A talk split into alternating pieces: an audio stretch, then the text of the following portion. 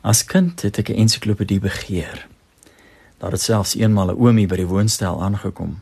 'n Deur tot deur verkoopsman wat 'n ensiklopedie stel aan ons wou verkoop. Maar vir my enkelmoeder was dit finansiëel 'n te groot uitdaging en hy is teleurgestel daar weg. Ek was meer teleurgestel as hy. Om 'n Encyclopedia Britannica of 'n Wêreldspektrum in die huis te hê, het 'n hartstogtelike begeerte gebly.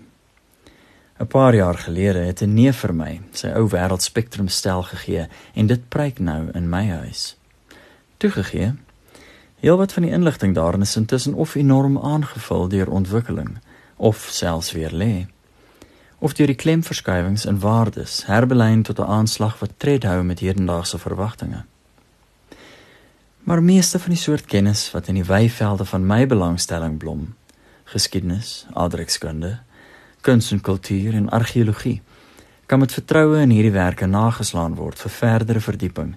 En dit bly my gewoonte om eers 'n ensiklopedie van 'n rak af te haal in my huis, alvorens ek 'n ander verwesenlikte droom van my, die internet, raadpleeg. Die naaste aan 'n ensiklopedie wat ons in ons huis kon kom, was 8 volumes van die Kinders van die Wêreld boeke reeks. 'n Heerlike stel wat ek tot vandag toe nog van tyd tot tyd gebruik. Die boeke het 'n stuk of 70 uiteenlopende lande behandel, telkens deur 'n dag in die lewe van 'n kind in daardie land mee te maak. Daarna 'n afdeling oor die geskiedenis van die land en ten slotte my gunsteling, 'n klomp stories uit hierdie lande. So die stories van van Bogie Rami van IJsland, Anansi van Nigerië en Davy Crockett van Amerika deel van my verbeeldingswêreld geword. En saam met hulle het ek die vier mure van ons klein woonstelletjie in Johannesburg kon ontvlug na verre, eksotiese lande. In die afdeling oor Suid-Afrika kon mense die stories van onder andere Japie Gryiling, Raagetjie de Beer en Scotty Smith lees. En hoewel ek aangegryp was deur die waagmoed van Japie en die avontuurlus van Scotty, was dit die storie van Rageltjie wat my die diepste geraak het.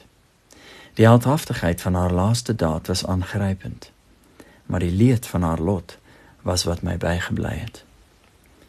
Later sou ek dieselfde gevoel oor Clara Majola hê. Die gevoel wat ek vir hierdie kinders gehad het, was 'n dieper leed as wat ek destyds kon begryp, en dit sou dekades duur voor ek dit uiteindelik kon uitpleis. Tyd moes eers sy gang met my gaan. Ek moes eers deur die verwarring van my tienerjare, die bronstige storm en drang van my 20's, die ambisieuse afleiding van my 30's en die soeke na betekenis in my 40's worstel om die liefde van my lewe te vind. Deur die uitdrukking van daardie liefde is 'n nuwe mens se siel in vlees vergestald en onlangs weer eens vaderskap noem hulle dit die wonder van die eeue 'n magtige beskeidenheid. En dan soek 'n mens weer deur die stories van jou jeug, hunker om die verwondering en die verbeeldingsvlugte deur hulle belewenis, die belewenis van jou kinders opnuut mee te maak. En weer kom hulle verby. Raageltjie die beer en Clara Majola. En dan val dit op. Die bron van die onbeskryflike leed wat ek destyds reeds as kind ervaar het want die leed van hulle lewensverlies is nie die einde van die storie soos Davy Crockett se dood by die Alamo nie. In die gevalle van Rageltjie en Clara het 'n onnatuurlike ding gebeur. 'n Ouer is deur die afsterwe van 'n kind oorleef. Rageltjie se ouers het haar voetstappe nie meer gehoor nie. Die klokkie van haar stem het in die gange van hulle huis stil geword. Clara se blinde pa sou haar gesiggie nooit weer met sy hande kon sien nie en die getroue geselskap wat hulle gedeelde huistakies vergesel het, het 'n eensame, stille kruistog vir hom geword. Ons dink aan hierdie kinders en voel die triestigheid van hulle lot. Maar die groot tragedie in hulle verhale is ongetwyfeld die geweldige foltering van hulle verskeurde ouers.